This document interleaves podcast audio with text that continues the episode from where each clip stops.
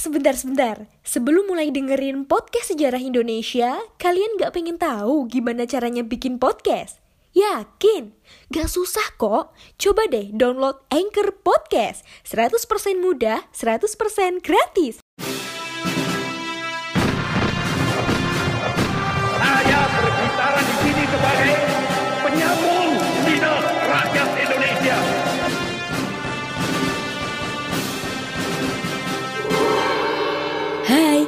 Kalian sedang mendengarkan Poseidon, podcast sejarah Indonesia. Ngomongin masa lalu dengan gaya masa kini.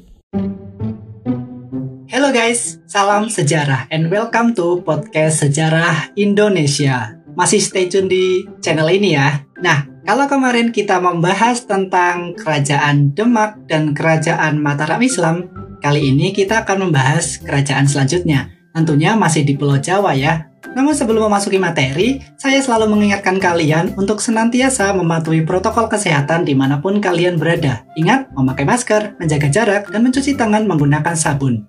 So, jangan berlama-lama buat kamu yang penasaran kelanjutan kerajaan Islam di Pulau Jawa, ini dia pembahasannya. Kita mulai dari kerajaan Banten nih. Kerajaan Banten berawal sekitar tahun 1526 ketika Kerajaan Demak memperluas kekuasaannya ke kawasan pesisir barat Pulau Jawa dengan menaklukkan beberapa kawasan pelabuhan, kemudian menjadikannya sebagai pangkalan militer serta kawasan perdagangan. Tokoh yang bernama Maulana Hasanuddin, yaitu putra Sunan Gunung Jati, berperan dalam penaklukan tersebut. Setelah penaklukan tersebut, Maulana Hasanuddin atau lebih sohor dengan sebutan Fatahillah mendirikan benteng pertahanan yang dinamakan Surosowan yang kemudian hari menjadi pusat pemerintahan yaitu Kesultanan Banten. Pada awalnya, kawasan Banten dikenal dengan nama Banten Girang yang merupakan bagian dari kerajaan Sunda. Kedatangan pasukan kerajaan di bawah pimpinan Maulana Hasanuddin ke kawasan tersebut selain untuk memperluas wilayah, juga sekaligus penyebaran dakwah Islam. Kemudian dipicu oleh adanya kerjasama Sunda dan Portugis dalam bidang ekonomi dan politik. Hal ini dianggap dapat membahayakan kedudukan kerajaan Demak selepas kekalahan mereka mengusir Portugis dari Malaka tahun 1513. Atas perintah Sultan Trenggono, Fatahillah kemudian melakukan penyerangan dan penaklukan pelabuhan Sunda Kelapa sekitar tahun 1527 yang waktu itu masih merupakan pelabuhan utama dari kerajaan Sunda. Selain membangun benteng pertahanan di Banten, Fatahillah juga melanjutkan perluasan kekuasaan ke daerah penghasil lada di Lampung. Ia berperan dalam penyebaran Islam di kawasan tersebut. Selain itu, ia juga telah melakukan kontak dagang dengan Raja Malangkabu atau Minangkabau, yaitu Sultan Munawar Syah dan dianugerahi keris oleh raja tersebut. Seiring dengan kemunduran Demak, terutama setelah meninggalnya Sultan Trenggono, maka Banten melepaskan diri dan menjadi kerajaan yang mandiri. Pada tahun 1570, Fatahillah wafat. Ia meninggalkan dua orang putra laki-laki, yaitu Pangeran Yusuf dan Pangeran Arya atau Pangeran Jepara. Dinamakan Pangeran Jepara karena ia sejak kecil sudah diikutkan kepada bibinya atau Ratu Kalinyamat di Jepara. Ia kemudian berkuasa di Jepara menggantikan Ratu Kalinyamat, sedangkan Pangeran Yusuf menggantikan Fatahillah di Banten. Pangeran Yusuf melanjutkan usaha-usaha perluasan daerah yang sudah dilakukan oleh ayahandanya. Tahun 1579, daerah-daerah yang masih setia pada pajajaran kemudian ditaklukkan. Untuk kepentingan ini, Pangeran Yusuf memerintahkan membangun kubu-kubu pertahanan. Tahun 1580, Pangeran Yusuf meninggal dan digantikan oleh putranya yang bernama Maulana Muhammad.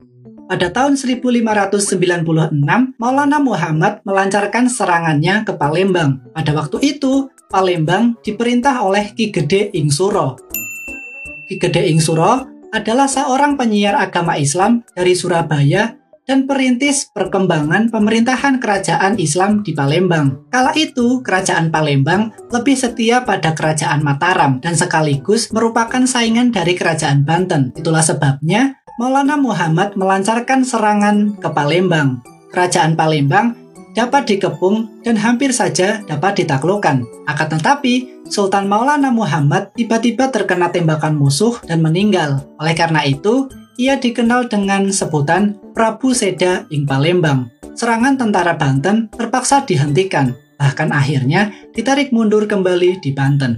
Gugurnya Maulana Muhammad menimbulkan berbagai perselisihan di istana, putra Maulana Muhammad yang bernama Abu Mufakir Mahmud Abdul Qadir masih kanak-kanak. Pemerintahan kemudian dipegang oleh sang Mangkubumi. Akan tetapi, Mangkubumi berhasil disingkirkan oleh Pangeran Manggala. Pangeran Manggala berhasil mengendalikan kekuasaan di Banten. Baru setelah Abu Mufakir dewasa dan Pangeran Manggala meninggal tahun 1624, maka Banten secara penuh diperintah oleh Sultan Abu Mufakir Mahmud Abdul Qadir. Pada tahun 1596, orang-orang Belanda datang di pelabuhan Banten untuk pertama kalinya. Terjadilah perkenalan dan pembicaraan dagang yang pertama antara orang-orang Belanda dengan para pedagang Banten. Tetapi dalam perkembangannya, orang-orang Belanda bersikap angkuh dan sombong, bahkan mulai menimbulkan kekacauan di Banten. Oleh karena itu, orang-orang Banten menolak dan mengusir orang-orang Belanda. Pada akhirnya, orang-orang Belanda kembali ke negerinya. Dua tahun kemudian, orang-orang Belanda datang lagi. Mereka menunjukkan sikap yang baik sehingga dapat berdagang di Banten dan Jayakarta.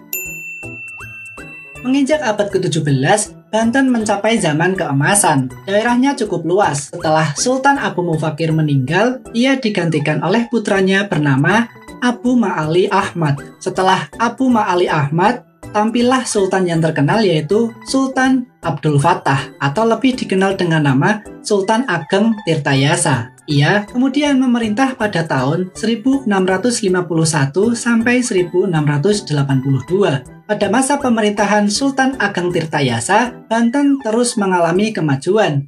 Letak Banten yang strategis mempercepat perkembangan dan kemajuan ekonomi Banten. Bahkan, kehidupan sosial budayanya juga mengalami kemajuan. Masyarakat umum hidup dengan rambu-rambu budaya Islam. Dari segi politik, pemerintahan Banten juga semakin kuat. Perluasan wilayah kekuasaannya terus dilakukan bahkan sampai ke daerah yang pernah dikuasai kerajaan Pajajaran. Namun, ada sebagian masyarakat yang menyingkir di pedalaman Banten Selatan karena tidak mau memeluk agama Islam. Mereka tetap mempertahankan agama dan adat istiadat nenek moyang. Mereka dikenal dengan masyarakat Badui. Mereka hidup mengisolir diri di tanah yang disebut tanah Kenekes dan menyebut dirinya orang kejeroan. Dalam bidang kebudayaan, seni bangunan mengalami perkembangan. Beberapa jenis bangunan yang masih tersisa antara lain Masjid Agung Banten, bangunan keraton, dan gapura-gapura. Pada masa akhir pemerintahan Sultan Ageng Tirtayasa, timbul konflik di dalam istana. Sultan Ageng Tirtayasa yang berusaha menentang VOC kurang disetujui oleh Sultan Haji sebagai raja muda. Keretakan di dalam istana ini kemudian dimanfaatkan oleh VOC dengan politik divide et impera Divide et Impera itu politik adu domba. VOC kemudian membantu Sultan Haji untuk mengakhiri kekuasaan Sultan Ageng Tirtayasa. Berakhirnya kekuasaan Sultan Ageng Tirtayasa membuat semakin kuatnya kekuasaan VOC di Banten. Bahkan raja-raja yang berkuasa berikutnya bukanlah raja-raja yang kuat. Hal ini membawa kemunduran bagi kerajaan Banten. Nah, itu tadi pembahasan kita mengenai kerajaan Banten. Kira-kira hal menarik apa nih yang bisa kalian ambil dari kerajaan Banten? Dari yang tadinya semakin maju karena kerajaannya semakin luas sampai akhirnya kerajaan Banten runtuh karena politik divide et impera oleh VOC. Kita move on ke kerajaan selanjutnya, yaitu Kesultanan Cirebon.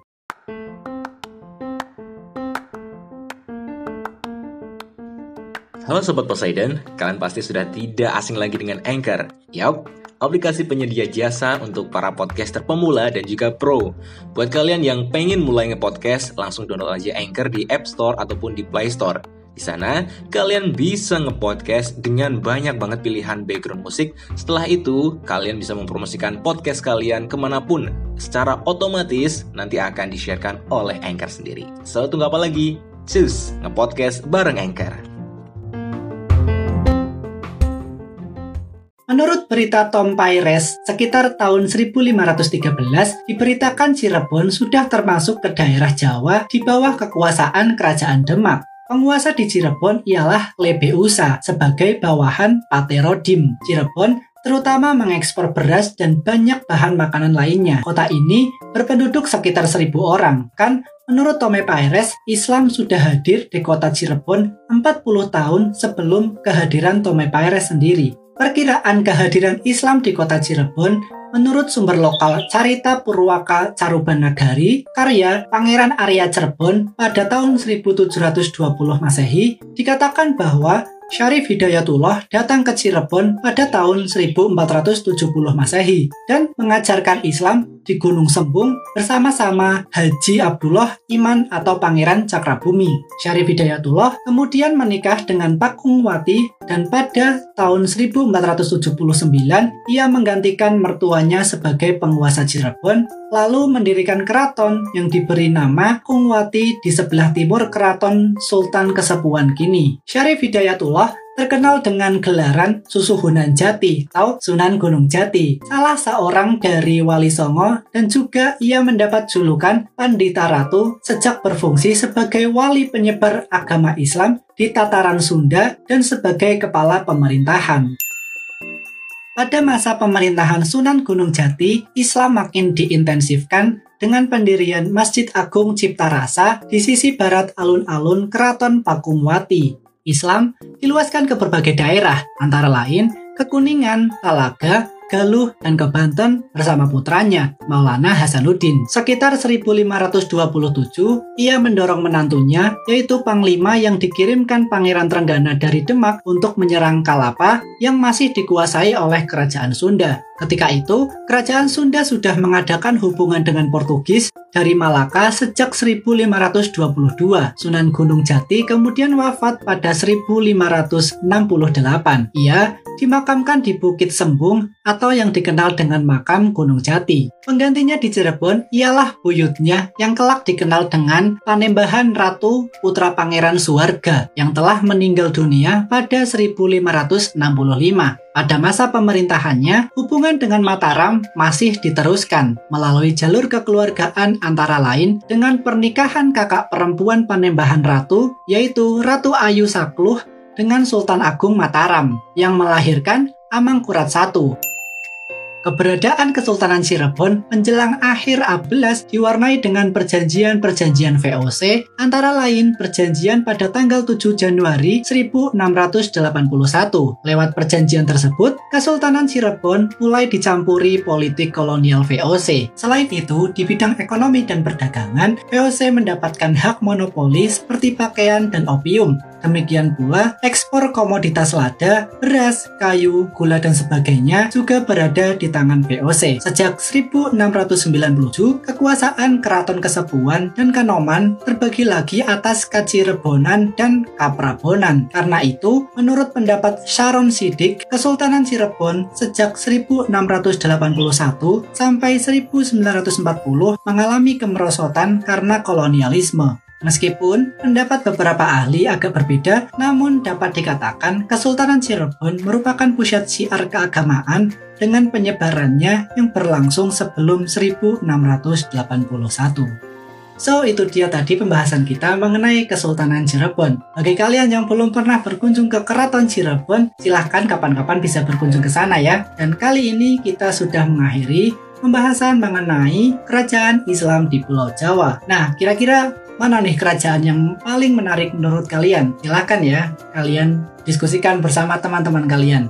So, stay safe, stay healthy, dan stay happy. Jangan lupa follow akun sosial media kami di @podcast Sejarah Indonesia. Saya Adi, pamit undur diri dan sampai jumpa di segmen selanjutnya. Ciao! Terima kasih.